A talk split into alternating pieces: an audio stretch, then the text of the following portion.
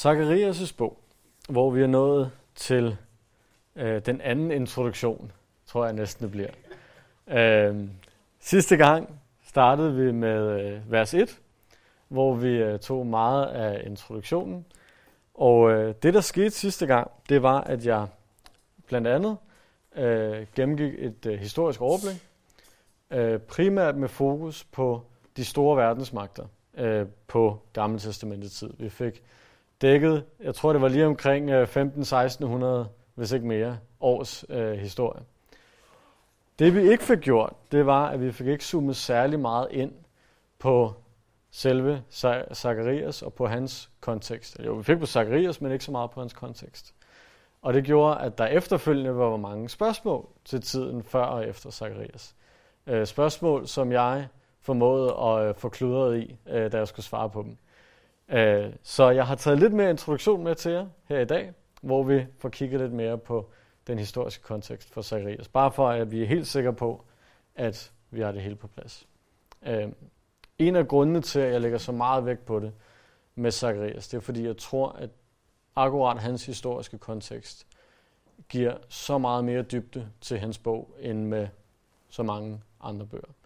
Øh, derudover, som en lille krølle på halen, så kommer vi også i dag til at snakke om Nehemias, som vi skal gennemgå på konferencen til sommer. Så om ikke andet, så giver det måske noget baggrund til, hvad vi skal høre på konferencen til sommer. Håber jeg i hvert fald. Øhm, en anden ting, vi kiggede på sidste gang, var de forskellige temaer, og vi kiggede specifikt på nogle nøgleord. Vi kommer også til lidt mere i dag at kigge på overordnet set, hvad handler øh, Zacharias' bog om, og så kommer vi slutligt øh, ind i selve det, det handler om, nemlig ordet. Øh, det, som Gud nu engang har at sige. Øh, det er kun fordi, at jeg håber, at den her kontekst giver mere dybde til ordet, øh, at vi, øh, vi bruger så meget tid på det. Vi starter med et lille historisk overblik. Vi starter, den her gang starter vi ikke helt tilbage med Ægypten, vi starter i år 605, hvor Jerusalem bliver angrebet af Babylon for første gang. Det gamle øh, nordrige Israel, de er ført i fangenskab for mange år siden, dem beskæftiger vi os ikke med længere, men vi har stadig Juda, Guds folk, i det sydlige rige Juda, med Jerusalem som, som øh, hovedstad. De blev angrebet af Babylon i 605, hvor at vores allesammens øh, Daniel, ikke vores Daniel, men profeten Daniel, øh, blev ført med i fangenskab. Det er 605. Så går der otte år, hvor at øh, Juda og Jerusalem prøver at opføre sig ordentligt, og Babylon prøver at lade være med at tæve den. Det går ikke særlig godt for nogen af parterne, så i 597 angriber Babylon for anden gang. Det her profeten Ezekiel bliver ført bort. Han bliver dog ikke ført til selve Babylon, han kommer til at bo i en fæsen lille landsby op nord for Babylon. Han får ikke lov til at komme med til Babylon. I 586 sker det værste angreb. Det tredje angreb af Babylon, hvor Jerusalem blev ødelagt, og hvor templet blev ødelagt. Det er ligesom slutningen på den her krig med, med Babylon, kan man sige. Der bliver ført mange bort her. Øh, Jeremias øh, bliver ikke ført øh, bort, han bliver tilbage i Jerusalem, men sidder og skriver klagesangene og lidt af Jeremias' bog, mens han kigger på den her ødelagte by, på det ødelagte tempel, og ser, måske sidder sågar og ser øh, hans eget folk blive ført bort.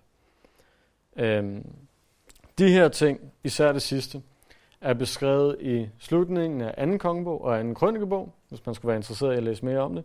Det er selvfølgelig også, som sagt, med Jeremias, det er også med Klagesangen, det er også med Ezekiel, og det er også med i Daniels bog.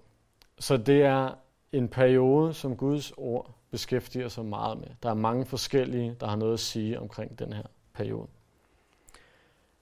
Efter det, så følger 70 års fangenskab, som Jeremias blandt andet havde profeteret om inden, øh, noget som Daniel også selv lægger meget vægt på i, øh, i hans bog. Og det er her, hvor at, ja, folket er i Babylon i 70 år. Efter de 70 år. Og der er lidt forskellige holdninger om, hvornår de 70 år startede. Var det ved det første angreb? Var det ved det andet? Det tredje angreb? Var det før det? Efter det? Jeg synes, det passer meget godt med, hvis man har 605 før Kristus, går cirka 70 år frem, så rammer man 538. Det er her, hvor kong Kyros, det hørte vi meget om sidste gang, kong Kyros af Persien, som har indtaget Babylon i mellemtiden, giver jøderne lov til at vende tilbage til Jerusalem. Det er beskrevet i Esras bog, kapitel 1. Det er her, hvor, som vi hørte lidt om sidste gang, Zerubbabel og Josva, som vi også kommer til at høre mere om i løbet af Zacharias' bog, de leder folket, eller noget af folket, tilbage til Jerusalem. Og det er også her, at Zacharias er med, formentlig som en lille knægt, og det er også her, at Haggai, formentlig som en gammel, slidt mand, følger med tilbage til Jerusalem, sammen med cirka 50.000 jøder. Og så sidder du og tænker, det ved jeg ikke, om du gør. Måske gør du. Det var ikke mange. 50.000. Hvis det var et helt folk, så var det godt nok et lille folk. Og det var det heller ikke. Øh, det, der formentlig er foregået, er, at jøderne har fundet sig lidt for godt til rette i Babylon og andre steder. De var ikke kun i Babylon. De var, som nævnt med Ezekiel, de var spredt over hele Persien. Men vi hører om i Esters bog, kommer ind på, hvornår den er lige om lidt, men vi hører om i Esters bog, at jøderne har ret mange penge på kistebunden. Øh, ham her, Haman hedder han, som prøver at udrydde alle jøderne. Han kommer med et forslag til kong øh, Ahasuerus, tror jeg han hedder, i vores danske bibel. Ahasverus. Han kommer med et forslag, hvor han ønsker at udrydde alle jøderne. Og hvis han får lov til at udrydde alle jøderne, så kan han skaffe så og så mange penge. Og det er ret mange penge. Det vil sige, at der må sidde nogle jøder rundt omkring, der har tjent godt. Som lever et liv i i hvert fald forholdsvis velstand. Som ikke gider tilbage. Som har det fint med at leve i verden. For at gøre det så konkret som muligt. Så der er kun en lille, lille del af folket, der tænker, det der med Guds by, det der med Guds tempel, det vil vi gerne. Det gør vi. Så de drager altså tilbage sammen med Zerubbabel, Josva, Haggai og Zacharias i 538. I 536 begynder de så at bygge på templet. Så de skal lige tilbage, de skal lige finde sig til rette, så går vi i gang med Guds tempel. Alt er, som det skal være. Det kan godt være, at vi ikke er mange. Det kan godt være, at øh, alle dem, der havde penge, de blev tilbage, og os andre, vi tager afsted, og vi har ikke noget. Men vi gør det her. Vi bygger Guds tempel eller i hvert fald noget af tiden. Fordi der går ikke særlig længe, så stopper de med at bygge på Guds tempel. Men så kommer Haggai på banen. Haggai, som vi har hørt meget om, fordi vi har allerede gennemgået Haggais bog, han profeterer, og han får folket til at starte endnu en gang med at bygge på templet i 520. Det færdiggøres i 516. Så i 516, det er selvfølgelig før Kristus alt det her, 516 har vi tempel igen. Zacharias, han lever cirka fra 545 til 475. Han bliver en gammel gut i forhold til sin tid. Det der, han lever, og ikke profeterer hele tiden, han skulle lige vokse op og alle sådan nogle ting, øh, men han starter formentlig i en ung alder med at profetere, med at blive brugt af Gud. Det betyder, at Zacharias lever i den her tid, hvor folket er svagt, folket er ydmygt, i hvert fald den del af folket, der er tilbage i Jerusalem. De er små i forhold til tidligere tid. Især hvis vi begynder at sammenligne med landet på Salomos tid, hvor det første tempel blev bygget. Som mange gjorde på det tidspunkt. De er ved at bygge et nyt tempel og tænker, det kan ikke helt måle sig med det første. Vi har bare ikke de samme midler. De er som sagt netop vendt tilbage. Det er kun en lille del af folket. De starter med at være fast besluttet på at bygge det her tempel, på at gøre noget for Guds rige, og så falder det lidt fra hinanden igen. Det gør det af to årsager. Den ene er måske fair nok. De havde mange fjender på det her tidspunkt. De havde godt nok kong Kyros, der sagde, I må godt vende tilbage. Det var sådan lidt ham, der øh, skulle til at sige, at han var øh, hvad, øh, nutidens svar på Donald Trump, men øh, det passer ikke helt. Han havde mere magt, end Donald Trump har i dag. Han var ligesom ham, der bestemte. Og han sagde, det er fint nok, I må godt gå tilbage. Problemet var bare, han boede 1000 km væk. Men Israel havde masser af naboer, der godt kunne huske, hvor irriterende en fjende Israel havde været. Og derfor stadig var efter dem. Så det er måske fair nok. Den anden grund til, at de ikke rigtig byggede på templet, det var, deres egen ligegyldighed over for Gud, over for de ting, der havde med Gud at gøre. De var desværre ikke lige så opsat på det, som man måske kunne have ønsket. Og det er den tid, Zacharias han lever i. Vi var også inde på sidste gang udtrykket herskers herre, som bliver brugt ualmindeligt meget her i Zacharias' bog, og også i Haggai's bog. Og det siger meget om tiden, fordi herskers herre er et udtryk, der beskriver Gud som den Gud, der har al magt. Det er oversat i øh, det græske gamle testamente, Septuaginta, som øh, pantokrater, Kyrios pantokrater, som betyder almægtig. Herren almægtig. Og det var akkurat den Gud, de havde brug for på det her tidspunkt. En Gud, som havde al magt til at hjælpe dem i en tid, hvor de ikke selv havde nogen magt. Vi så også sidst, øh, at det her udtryk meget vel kan dække over ingen anden end Jesus Kristus selv. Før inkarnationen. At når Zacharias nævner herskers herre, så er det Jesus, han taler om. Og hvis du vil vide hvorfor, så lyt til optagelsen fra sidste gang. Det har vi ikke tid til at gå ind i. Men det betyder, at Zacharias lever i den her tid, som er de små tings tid, som han selv beskriver det. Men han bliver ved med at referere til Jesus, den almægtige Gud. For det, det er ham, de har at holde fast i, i den her tid. Nu skal vi holde tungen lige i munden. Jeg havde faktisk tænkt mig, at jeg skulle have lavet en smiley, der kom flyvende ind fra siden og havde tungen lige i munden, så man kunne se, hvordan man skulle gøre. Fordi sidste gang, da der blev stillet en masse spørgsmål, så var det det, der kommer nu, som øh, jeg i hvert fald kløjs i, og som vi ikke rigtig havde styr på. Så nu, øh, jeg håber, I er med. I 480 før Kristus. Zacharias levede fra, hvad var det, vi sagde? 545 til 475.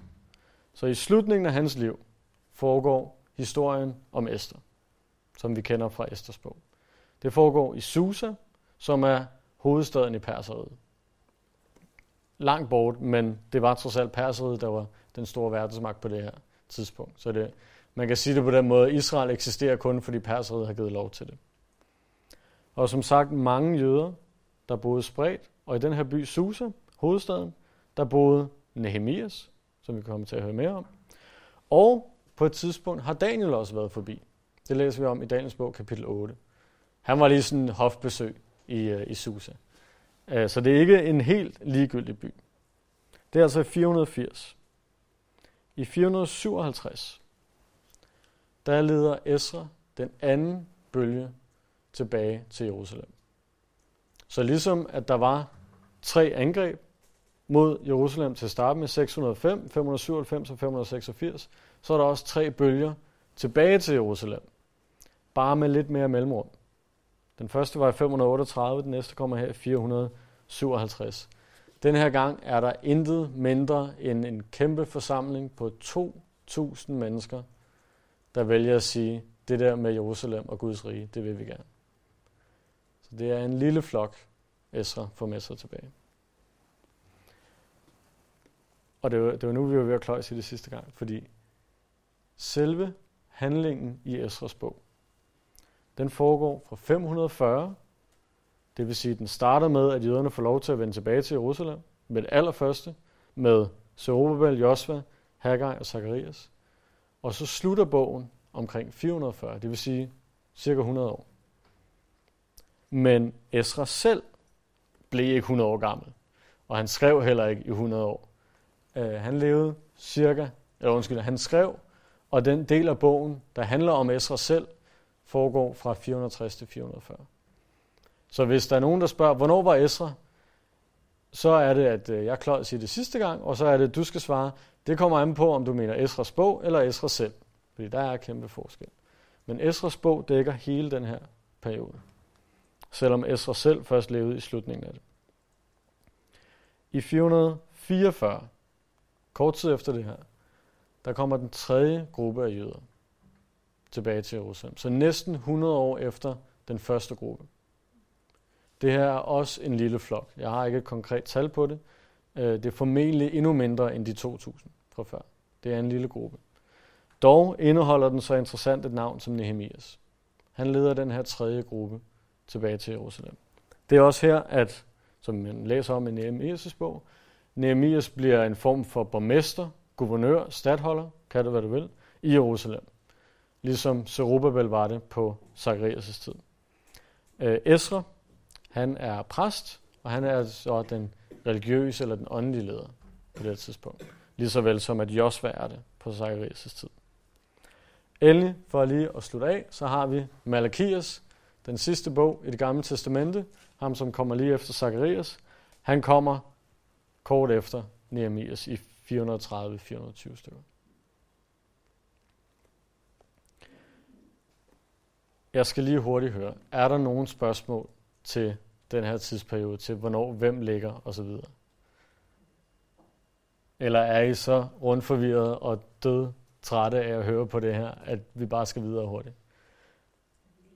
Der bliver nikket mest til det sidste. En lille smule forvirret. Øhm.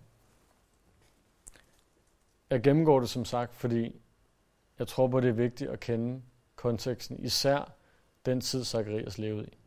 Fordi mange af de ting, han har at sige, bliver kun forstærket, når man forstår, hvor hård en tid det var, han levede i. Hvis man tror, at han levede samtidig med David, hvor Israel var et af de mægtigste lande i verden, så tænker man, hvorfor snakker han så meget om, at de har brug for hjælp, og de har brug for styrke. Men hvis man forstår, hvor lille et land, og hvor lille et folk, og hvor svage de var på det tidspunkt, så forstår man måske også, hvor man selv skal vende sig hen, når man føler sig lille og svag og uden kræfter, uden magt. Ikke at man ikke skal søge det samme sted hen, når man føler sig ovenpå, men Zacharias taler i en tid. Han taler til et folk, som ikke føler sig ovenpå. Og det er en fantastisk bog at læse, når man selv er i sådan en situation. Øhm, hvis der skulle være flere spørgsmål, eller for meget forvirring omkring det, så kom endelig og sig til bagefter. Så skal jeg gerne kede jer endnu mere ihjel med det senere. Øh, hvis der er nogen, der ligesom mig synes, det er sindssygt interessant, så kom også gerne og sig til. Så, øh, så tager vi en snak om det. Den næste ting, som vi ikke gik i dybden med sidst, øh, den tager ikke helt lige så lang tid, bare roligt, men det er inddelingen af bogen. Vi starter med en indledning. Øh, det er de ting, vi kommer til at kigge på i dag. Det kan godt være, at det lyder lidt kedeligt med indledning, men Zacharias har en af de mest kraftfulde indledninger, øh, der er i, øh, i de her små profeter. Så det bliver ikke kedeligt, bare roligt. Øh, den næste del af bogen er øh, til og med, øh, at kapitel 6 slutter. Det er otte forskellige syn, øh, som Zacharias får. Det er her, man godt kan tænke, at Zacharias han er på et eller andet, som han ikke burde være på. Fordi der er nogle virkelig mærkelige ting. Og vi kommer til at gå i dybden med det. Jeg kommer forhåbentlig til at kunne forklare, hvad der er, der foregår. Men det er et af de steder, hvor hvis man selv læser bogen på egen hånd, så kan man godt sidde og tænke, det er noget rod. Endnu mere end det der historiske overblik var noget rod. Øh, men det giver mening. Det er trods alt Gud, der har skrevet det, og vi tror på, at der er en pointe med det. I kapitel 7 og 8 profeterer Zacharias i nutiden, så at sige. Han taler til folket, der var på det tidspunkt, om hvordan de skal gebære sig. Hvilke ting de skal lægge fra sig, hvilke ting de skal gøre. Øh, man kunne også bare kalde det en prædiken. Eller fire mindre prædikner, han giver i de her to kapitler. Øh, det er noget, der selvfølgelig var relevant for folket, men som også taler meget direkte til os, når vi kommer dertil.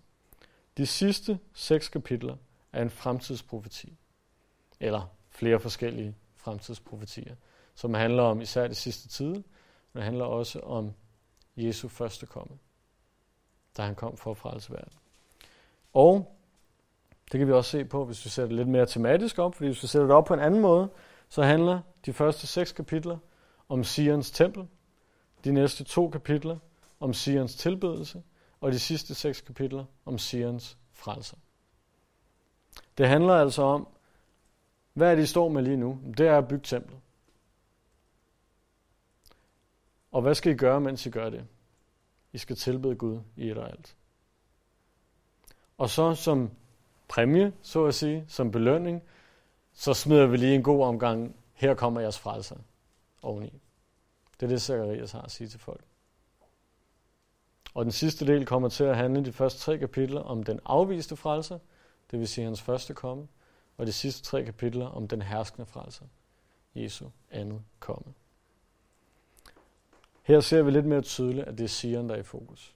Sion, som er først og fremmest en, øh, en bakke eller et bjerg, om man vil, i Jerusalem, men som især i den her bog er brugt som billede også på Jerusalem som by og folket i Jerusalem. Det er også derfor, at man kan tale om Sions tilbedelse. Det er ikke et bjerg, der skal tilbede Gud. Det er selvfølgelig det folk, der bor på bjerget Sion, der skal tilbede Gud.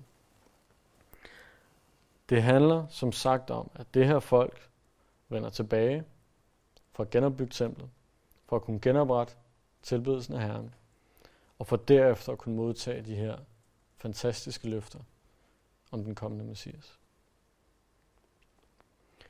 Zacharias' budskab, som kan opsummeres i de linjer der, er lige så relevant i dag. I dag er det lige så relevant at vende tilbage til Herren og tjene ham hele hjertet. For at genopbygge, hvad end der måtte være brug for at genopbygge i forhold til ham. For at tilbede ham rent og fuldt. Og for samtidig at få hans trøst. For at få den magt og styrke, vi har brug for fra ham. Zacharias' budskab er en opmundring til et folk, som levede i en Guds afvisende verden. Ligesom som vi gør i dag. Og det er et budskab om, at intet værk, hverken dengang eller i dag, intet værk kan gøres og samtidig have en vedvarende værdi, hvis ikke Gud er med i det. Gud, han er Gud på Sions bjerg. Det har han alle dage været, og det vil han alle dage være. Lige meget hvem, der så måtte besidde den by. Og det er blandt andet det, Zacharias han taler om. Og med alt det, med den kontekst, som jeg personligt synes er uhyre vigtig for den her bog, så lad os springe ind i selve teksten. Sidste gang, der nåede vi hele vejen igennem vers 1. Uh, vi når mere end vers 2 i dag. Uh, det tager jeg næsten godt love, og så er man selvfølgelig nødt til at sige, om Herren vil. Uh, men jeg, jeg satser på, at vi når mere end vers 1.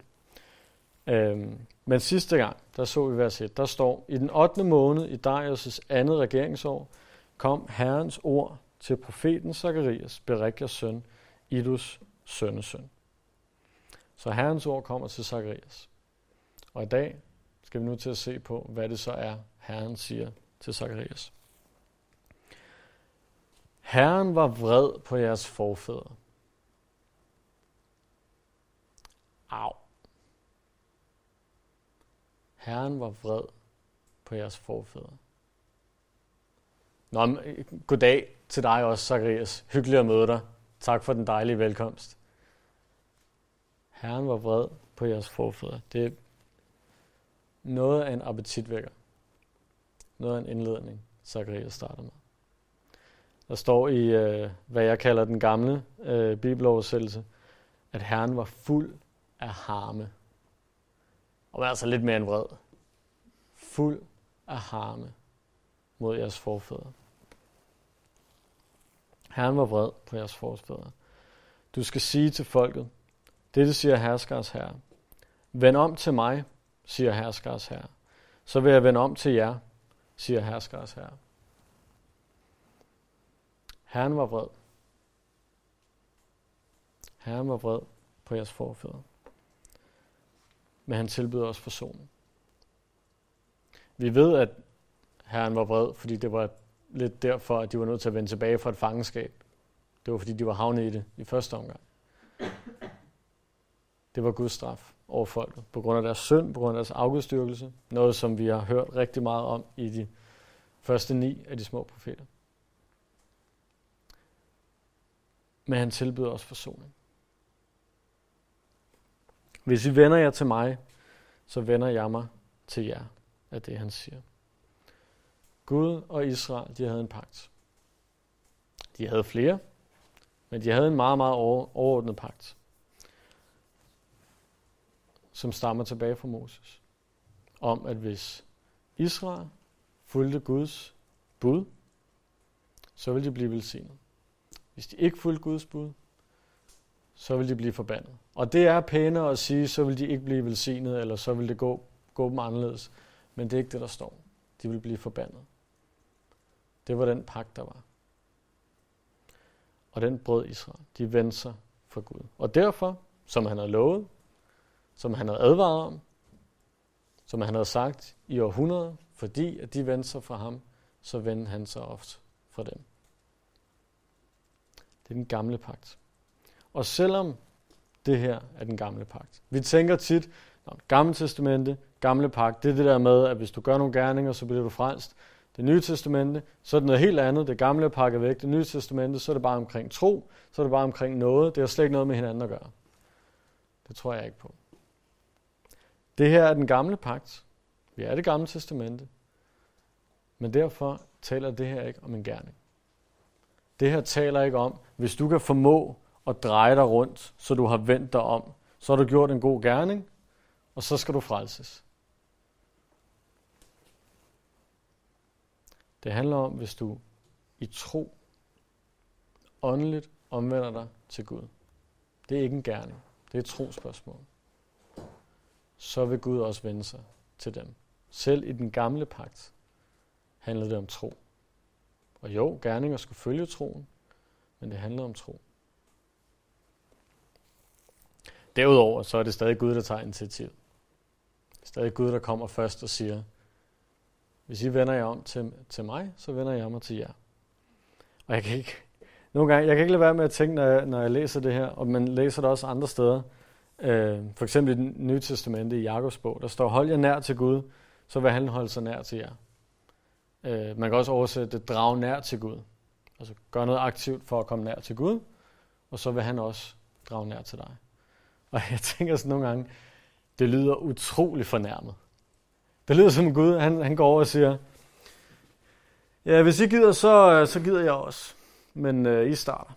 Og så går jeg ellers her imens. Hvis I vender om til mig, så, jamen, så kan jeg godt. Okay, så finder vi ud af det. Og sådan lyder det både i det gamle og det nye testament.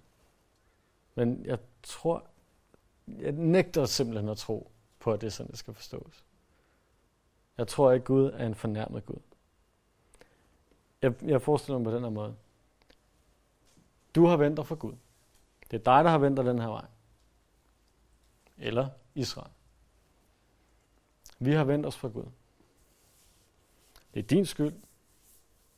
Det er dig, der er en synder. Og det er dig, der venter for Gud. Men Gud han rækker hånden ud. Og han siger, jeg tager skylden på mig. Op på mine skuldre med den. Op på mit kors med den. Jeg tager synd. Jeg tager skylden. Også selvom det var dig, der gjorde det. Så lavede vi bare som om, at det var mig, der gjorde det. Så tager jeg skylden for det. Og mens du så stadig løber rundt og er vendt mod mig, så løber jeg efter. Gud han løber efter synderen. Han løber efter Israel. Og han bliver ved med at stå lige bag ved dem. Så at når de skulle vende sig om, så er Gud allerede klar. Det er ikke sådan noget med, at Gud siger, ah, okay, nå, nu er du vendt om. Okay, jamen lad, skal vi finde ud af en forsoningsgave eller et eller andet? Altså, hvad, hvad, hvad skal vi gøre? Jamen, ej, jeg skal lige overveje. Vil jeg nu også? Du har godt nok vendt om til mig. Vil jeg nu også vende mig om til Ja, okay. Kan vi, jo, vi kan godt tilgive. Jamen, lad os finde ud af det. Okay. Nej, Gud han løber efter. Gud han er allerede klar.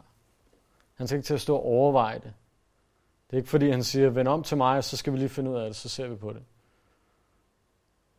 Gud han løber efter, og han står under min nakken og siger, vend om til mig. Så vender jeg også om til jer.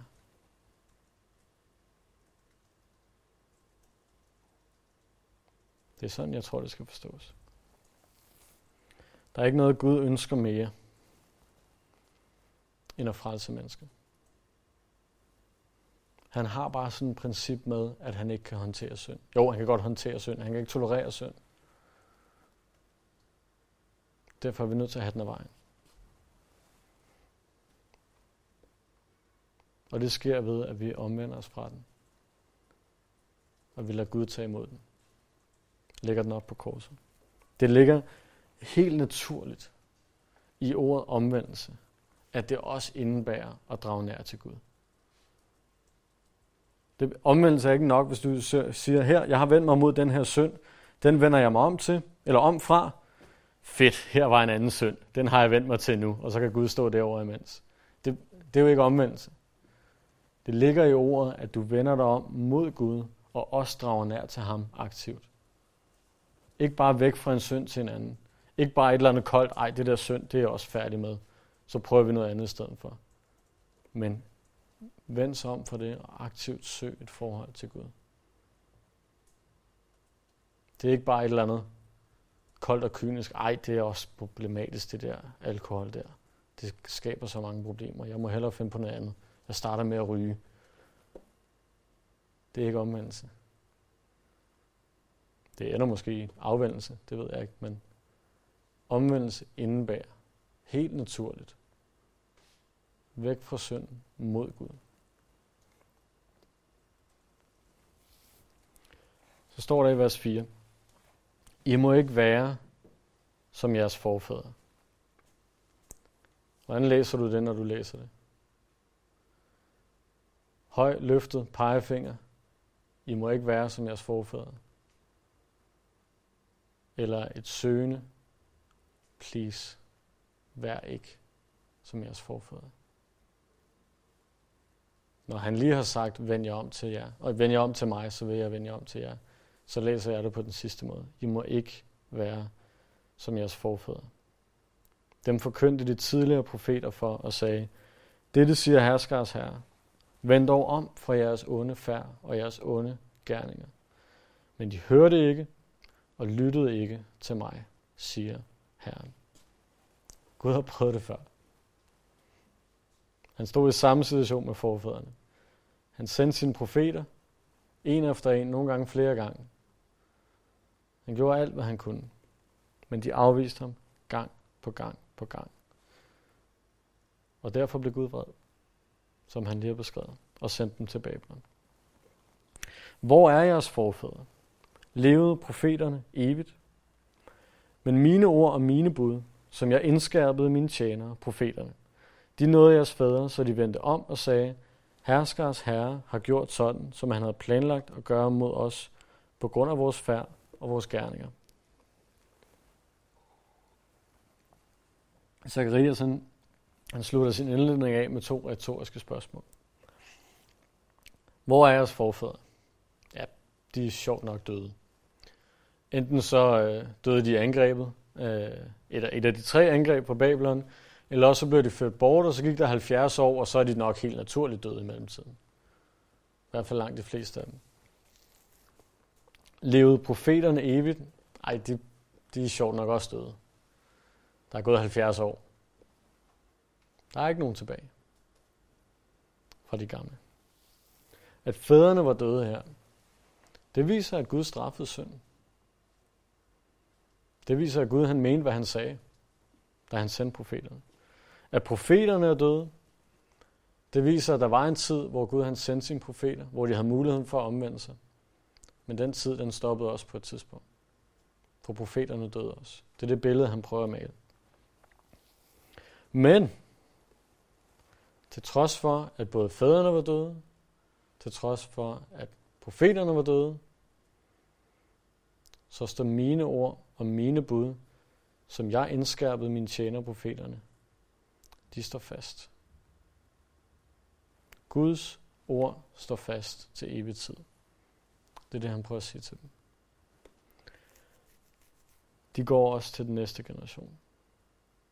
Alt det, som profeterne havde advaret om, som de havde talt om i århundredet, det var sket. Og alt det, profeterne havde lovet, ville ske efter Babylon, altså at de ville vende tilbage, det var også blevet opfyldt. Det var sågar blevet opfyldt til den generation, Zacharias står og taler til.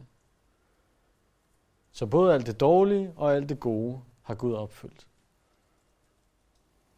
Og Zacharias, han, han prøver at minde dem om det og siger, hør nu her, Guds ord står fast. Det står fast. Det kan godt være, at du hørte alt det dårlige, og så skete det, og så tænkte du, ej, det er også tilfældigt. Det kan ikke, ej, det kan ikke have været øh, Gud, der stod bag det. Men så skete alt det gode også. Alt det Gud har lovet efterfølgende. Det indtraf også. Er det stadig en tilfældighed? Vi kan kigge tilbage på 2500 års mere historie, end hvad den her generation kunne. Og vi kan konstatere, at Guds ord står fast. Gud har bragt jøderne tilbage til Israel. Gennem århundreder har godt nok ikke med det samme, godt nok ikke lige så hurtigt, som man nogle gange kan ønske, men hver gang Gud har sagt, at han vil straffe nogen, for eksempel dem, der rører ved Guds øjenæble, som også Zacharias, der nævner. Hver gang Gud siger, der vil være en straf for at røre mit folk, så kommer straffen.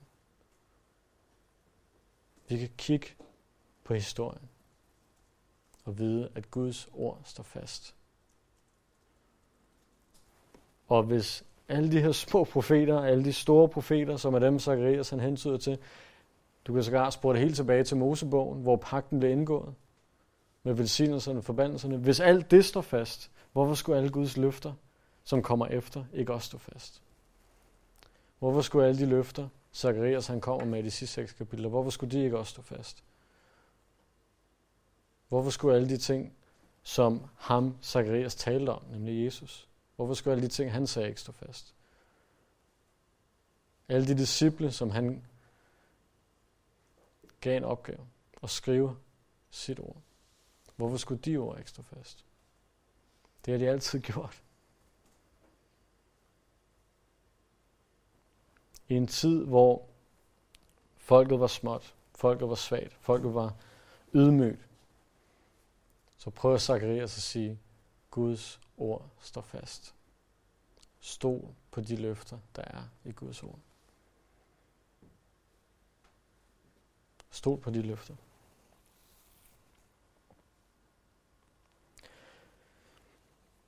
Der står her, at øh, de her ord, de nåede jeres fædre, så de vendte om og sagde, herskers herre har gjort sådan, som han havde planlagt at gøre mod os på grund af vores færd og vores gerninger. Det taler selvfølgelig først og fremmest om, at Guds ord står fast. Øh, dernæst vil jeg blot kommentere på det og sige, jeg tror ikke, det betyder, at de her fædre vendt om i den forstand, som jeg snakkede om før. Den forstand, som Gud han ønsker. Ganske simpelt, fordi at de røg i Babylon blev straffet. Gud han straffer ikke nogen, der vender om til ham. Øhm, det jeg tror, det betyder, er, at efter de røg til Babylon og blev straffet, eller måske mens de har stået der sammen med Jeremias, hvis de har været ladt tilbage, så har de set på den ødelæggelse, der er sket. De har set på, hvad Gud har gjort. Og der har de ikke nødvendigvis vendt, øh, vendt om fra deres synd, men de har indset, Gud havde ret alligevel. Gud har gjort, som han lovede. Guds ord står fast. Jeg tror, det er det, der ligger i det. Øh, de, de har indset, at Gud havde ret mere, end at de decideret omvendt sig fra, fra den synd, de levede i. Alt det her. Nogle af jer har været med i gennemgang af Haggai's bog. Nogle har måske ikke, det er også okay. Men i Haggai's bog, der siger Haggai meget det samme. Hans budskab var, søg først Guds rige. Guds rige. Omvend jer fra alle de andre ligegyldige ting i jeres liv. Og vi læser i Haggai's bog, at folket lyttede. Vi læser, at folket omvendte sig. Og som vi gennemgik før i det historiske, folket påbegyndt øh, genopbygningen af templet, hvor de før havde lavet den ligge stille. Zacharias er samtidig med Haggai. På den måde, at Haggais første budskab, kapitel 1 i Haggais bog, sker to måneder før Zacharias han starter. Så de lever samtidig. Haggai han starter. Han får sat folk i gang. De omvender sig. De begynder at leve mere for Herren. Og så kommer Zacharias. Der er stadig brug for at tale med store ord. Det er derfor, han indleder på den her måde. Stadig brug for at tale med store ord. Men ikke lige så meget som Haggai. Og det er også derfor, at efter det her, så vil vi stadig høre om, hvad der er rigtigt og forkert. Vi vil stadig høre om, at, at der er synd, og det skal håndteres. Men langt mere end det kommer Zacharias til at tale om de fremtidige løfter. Langt mere kommer han til at tale om, hvad Gud han lover Sion, hvad han lover Jerusalem, hvad han lover folket. Og i sidste ende, hvad han lover os. Jeg nævnte sidste gang, at Haggai, han var Guds værktøj til at starte vækkelsen i folket. Og der er brug for hårde ord, som Haggai indeholdt. Zacharias, han var Guds værktøj til at holde flammen i liv. Han behøver ikke lige så hårde ord, selvom han indleder sådan, men han kan langt hurtigere gå over til at tale om løfter. Gå over til at tale om, det her er de velsignelser, der følger Guds folk. Og det er det, vi kommer til at se på i resten af bogen. Men det er også derfor, han er nødt til at starte på den her måde. For det er stadig det samme folk. Der er, gået, der er gået to måneder. De har omvendt sig, men så meget når man heller ikke har ændret sig på to måneder. De er stadig brug for lige at blive rusket. Samtidig, så tror jeg også, at de her ord, de taler til folket for at holde dem ydmyg. Zacharias kommer med nogle helt fantastiske ting senere hen. Men jøderne har historisk set, både i Bibelen og efterfølgende, haft det problem, at når, og, og det er ikke for at pege fingrene i jøderne, fordi jeg tror, vi, vi andre har det lige så høj grad. Vi ser det bare specifikt gennem jøderne i det gamle testamente. At når de begynder at snuse til Guds løfter, tag det her som om, jeg siger det til dig også. Når de begynder at snuse til Guds løfter, når de begynder at blive velsignet, når Gud han viser, at han er trofast gennem det, han har lovet, så bliver de overmodige.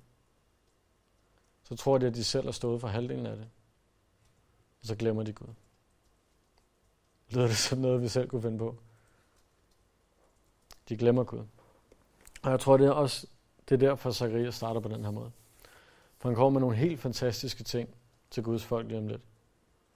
Lige om lidt, som i, i de efterfølgende kapitler, som vi kommer til at gennemgå i løbet af året. Og jeg tror, han siger det her for lige og gøre dem ydmyge og sige, det betyder ikke, at I er fantastisk. Det betyder ikke, at I er fejlfri. Bare fordi Guds løfter er store. Vi skal stadig ære Gud gennem den måde, vi lever på, i det vi nyder Guds løfter, i det vi nyder hans velsignelse. Vi må aldrig glemme ham, selvom det går godt.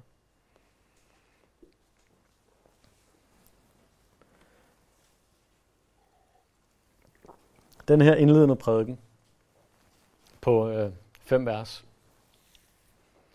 den har tre overordnede budskaber.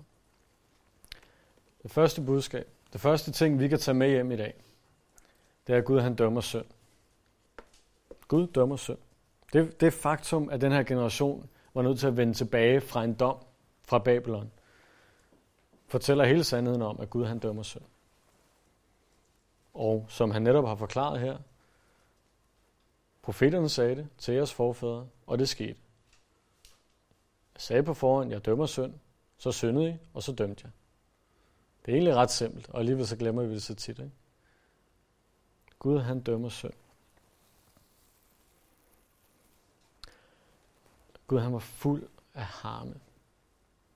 Sågar over for sit eget folk, sit egen, sin egen by, sit eget tempel.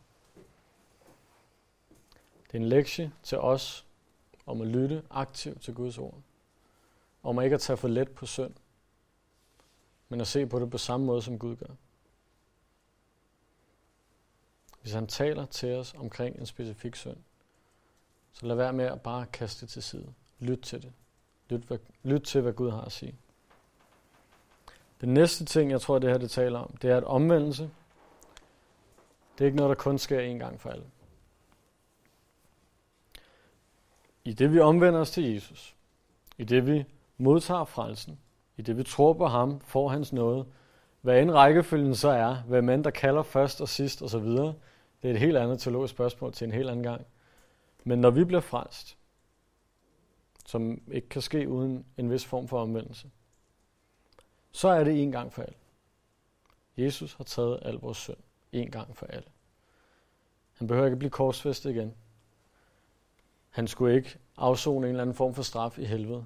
Vi skal ikke igennem en eller anden skærsild, før vi kommer i himlen. Han har taget synden en gang for alle. Men det, jeg synes, der er interessant, det er, som nævnt før, i Haggai's bog, kapitel 1, to måneder før det her, så står der helt klart og tydeligt. Lad os prøve at læse det en gang. Haggai's bog, kapitel 1, vers 14.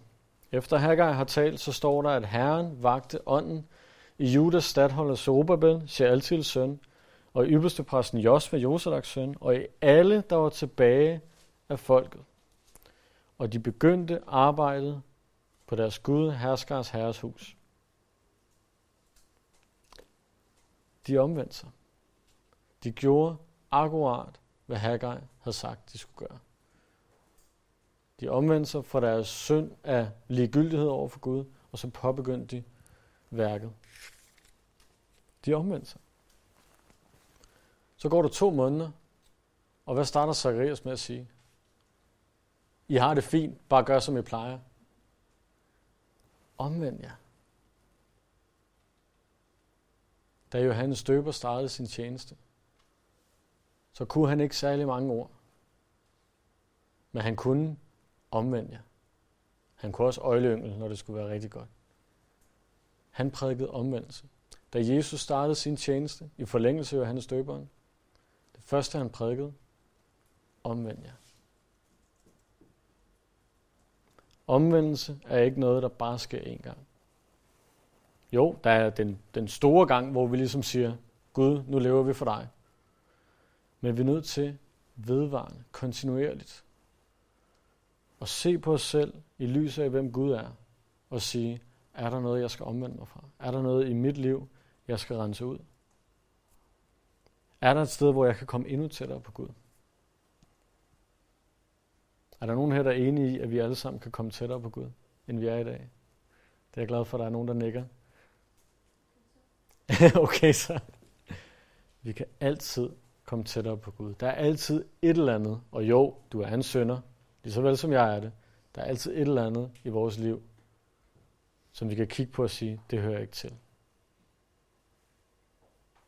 Omvendelse er kontinuerligt. Vi er nødt til at vedvarende og erkende, at vi begår synd hver dag. Vi er nødt til at vedvarende at komme til Jesus. Det er den anden ting. Den tredje ting, det er, at Gud, han velsigner, når man adlyder. At adlyde Gud bringer velsignelse. Og den her, den er vigtig. Fordi for nogen, det var blandt andet en del af den gamle pagt, den pagt, som Zacharias og de andre levede under. For nogen, så gælder det her materiel velsignelse. Og det tror jeg også på, at det gør i dag.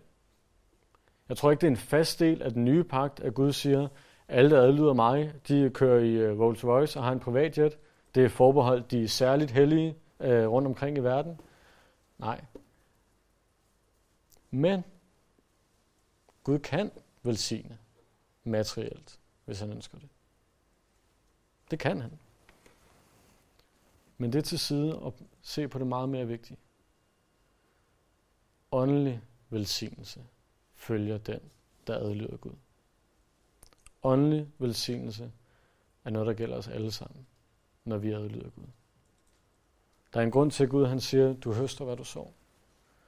Hvis du sår til kødet, så høster du af kødet. Hvis du sår i ånden, så høster du, nu kan jeg ikke huske det ordret, men rig velsignelse fra Guds ånd. Når vi adlyder Gud, når vi lytter til hans ord, omvender os fra vores synd, drager nær til ham, så vil det helt naturligt kaste en ekstra glæde, en ekstra portion af hans kærlighed. Ikke at han elsker os mere, men at vi får lov til at opleve mere af hans kærlighed. En ekstra portion af hans fred. Vi er i gang med at gennemgå, Daniel er i gang med at gennemgå Filipperbrevet.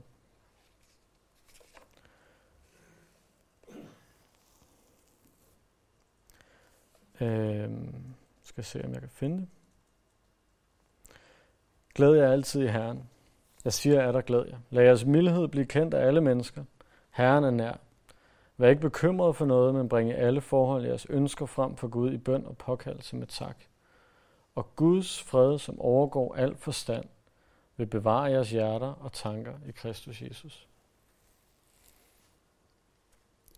I det vi adlyder Guds store kald, nemlig at leve sammen med ham, i bøn og påkaldelse, som han nævner her, så vil Guds fred, som overgår al forstand, sammen med glæde, kærlighed osv., det vil helt naturligt følge med. At adlyde Gud bringer åndelig velsignelse. Måske også materiel, men især åndelig. Budskabet i dag. Vend om til ham kontinuerligt. Og du kan være ganske sikker på, at han for det første står klar til at vende om til dig. Står klar til at genopbygge forholdet endnu en gang. Og velsigne dig med alt, hvad det indebærer. Og have et tæt forhold til Gud. Lad os bede sammen. Herre, tak, at, at du står klar. Tak, at vi ikke først skal til at øh, famle en eller anden gave sammen, som alligevel ikke er dig værdig. Tak, at vi ikke skal gøre et eller andet stort og flot øh, for at blive modtaget af dig. Men at blive blot skal se mod dig i tro. Og så står du klar. Ja, tak, at, at din nåde og kærlighed er så stor mod os synder. At du bliver ved og ved. Også selvom vi ikke selv gør. Herre, vi priser dit navn. Og jeg beder sådan, at, at dit ord må trænge ind i vores hjerter. Herre, hjælp os til ikke bare at, at høre det, men til også at leve det. Jeg priser dig, der gør det hele muligt. Amen.